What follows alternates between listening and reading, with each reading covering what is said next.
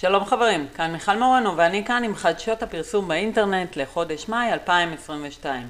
קדימה, מבלי לבזבז את זמנכם, נתקדם ישר לעניינים. החדשה הראשונה שלנו, אה, חוב שנשאר מהפעם הקודמת, שימו לב, מנהלי קמפיינים של רופאים או פעילות שיווקית של רופאים בגוגל. בקרוב בגוגל אפשרות קביעת תורים לעוסקים בתחומי הבריאות. נטלי משיח, המומחית שלנו לענייני בריאות, מעדכנת על ידיעה שגוגל שיתפו בבלוג החדשנות שלהם, ובה מסופר על מאפיינים חדשים, בהם גם האפשרות לקביעת תורים. ככה זה ייראה, כמו שאתם רואים, כאן אפשר לבחור אה, לקבוע פגישה. מאפיין זה נמצא עדיין בשלבי השקה ראשונים, כרגע זמין רק בארצות הברית דרך שותפים כמו MinuteClinic וספקי פתרונות תזמון אחרים. בהמשך כנראה אפשר אה, לנהל את הדבר הזה ישירות ב Google My Business. בהמשך עדכנה נטלי גם כחלק מפרופילי Google My Business שהיא מנהלת, התקבלה בהם האפשרות לעבור לפרופיל מיוחד לתחומי הרפואה, וככה זה נראה, ההודעה שנטלי קיבלה. ועוד נושא אחד, לתשומת לב המפרסמים בתחומי הרפואה, גוגל מסירה חלקית את האיסור על פרסומות עבור טיפולים בתאי גזע. מעכשיו יאושרו מודעות עבור טיפולים, טיפולים שאושרו על ידי ה-FDA, גם אם מדובר בטיפולים בתאי גזע. עדכון המדיניות ייכנס לתוקף ביולי. משתמשים בקמפיינים חכמים ברשת המדיה, שימו לב. החל מחודש אוגוסט הקמפיינים החכמים יהפכו להיות קמפיינים רגילים ברשת המדיה. מה ישתנה? אם הקמפיין החכם לרשת המדיה פעיל, מושה או שהוא הוסר, גוגל יעבירו אותו לקמפיין לרשת המדיה וישמרו את הגדרות הקמפיין ללא שינוי. מה צריך לעשות? שום דבר, כל הקמפיינים החכמים יעברו להיות קמפיינים רגילים בלי שתצטרכו לבצע כלום. תודה לאריק טמפלהוף על העדכון הזה.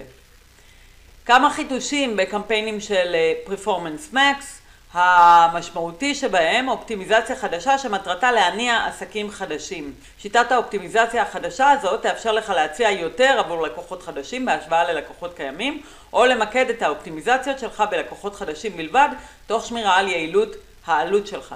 יש גם תובנות חדשות ומועילות, בהן תובנות ביצועי נכסים לקהל ותובנות אבחון, ויש כלי לשדרוג, לשדרוג קמפיינים בקליק, אה, קמפיינים חכמים לשופינג וקמפיינים מקומיים יוחלפו בפרפורמנס מקס בעתיד הקרוב וגוגל הודיע כי השדרוג המיוחל בלחיצה אחת לפרפורמנס מקס יתחיל לצאת במהלך השבועות הקרובים. לאחר שדרוג עם הכלי החדש הזה ייווצר מסע, מסע פרסום חדש לביצועים מקסימליים ששומר על הלמידה מקמפיינים קודמים. מתגלגל לכיוונכם בלינקדאין bidding עבור תוצאה אסטרטגיית bidding cost cap שתאפשר לכם להגדיר את מקסימום העלות שאתם מוכנים לשלם לתוצאה, תוצאה יכולה להיות ליד, המרה, אה, והאלגוריתם ימקסם את התוצאות תוך שמירה על תקרת העלות שהגדרתם. כיצד עובדת שיטת ה bidding החדשה? העלות המקסימלית לתוצאה היא סכום ממוצע שהמערכת מנסה להישאר מתחתיו. העלות הממוצעת בפועל לתוצאה עשויה להיות שונה מהעלות לכל תוצאת מפתח שהגדרנו. כאשר המפרסם משיק מסע פרסום חדש עם הגשת הצעות מחיר. הקמפיין נכנס לשלב למידה המאפשר למערכת לאסוף נתוני מכירות פומביות כדי לייעל טוב יותר את ביצועי הקמפיין. שלב הלמידה הוא רציף בזמן שהקמפיין שלך פעיל. במהלך שבעת הימים הראשונים של שלב הלמידה, סביר יותר שהעלות תשתנה ולאחר שבועיים בערך היא תתייצב על ממוצע ספציפי. חשוב לציין שהעלות מבוססת תקרת תוצאות מתבססת על עלות לפי חשיפות, כלומר CPM. תודה לזיו שיינפלד על העשרת המידע והקישור למידע להסבר וחלוקה של שיטת ה bidding החדשה לפי סוגי קמפיינים. חדש בפרופילי לינקדאין, אפשרות הוספת קישור לאתר שיופיע בראש הפרופיל שלך. שימו לב, זה זמין רק לפרופילים שהפעילו את מצב Creator Mode וככה זה נראה. כמו שאתם רואים, הנה הפרופיל שלי והקישור לאתר שלי. שימו לב, אפשר גם להוציא מטקסט אה, ולא מהקישור עצמו, אפשר להוסיף anchor text. חדש ב Google Ads, שימוש ברשימות קהל שהעליתם לצורך העשרה וטיוב של קמפיינים המשתמשים ב smart bidding ו/או optimized targeting.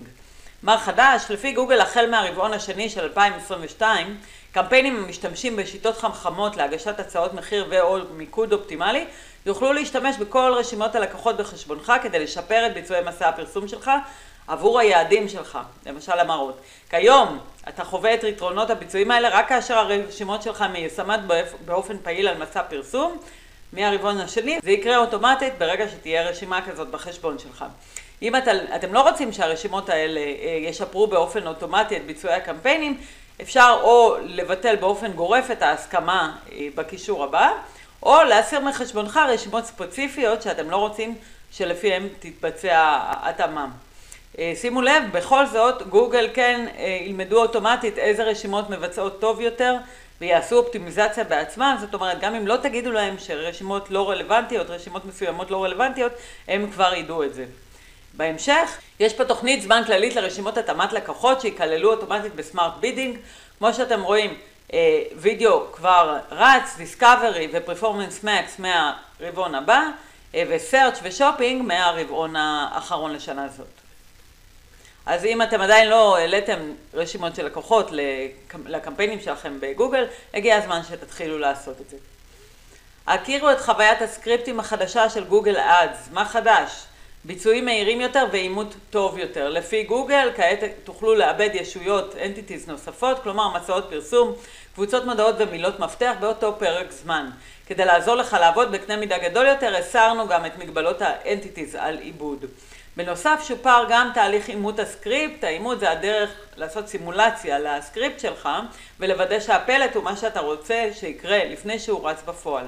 מעתה והלאה תהליך האימות יוודא שמגבלות החשבון ומסע הפרסום מכובדות, הצעות למילות מפתח אינן חורגות מתקציב מסע הפרסום שלהם, כתובות אתרים מפורמטות כראוי ועוד.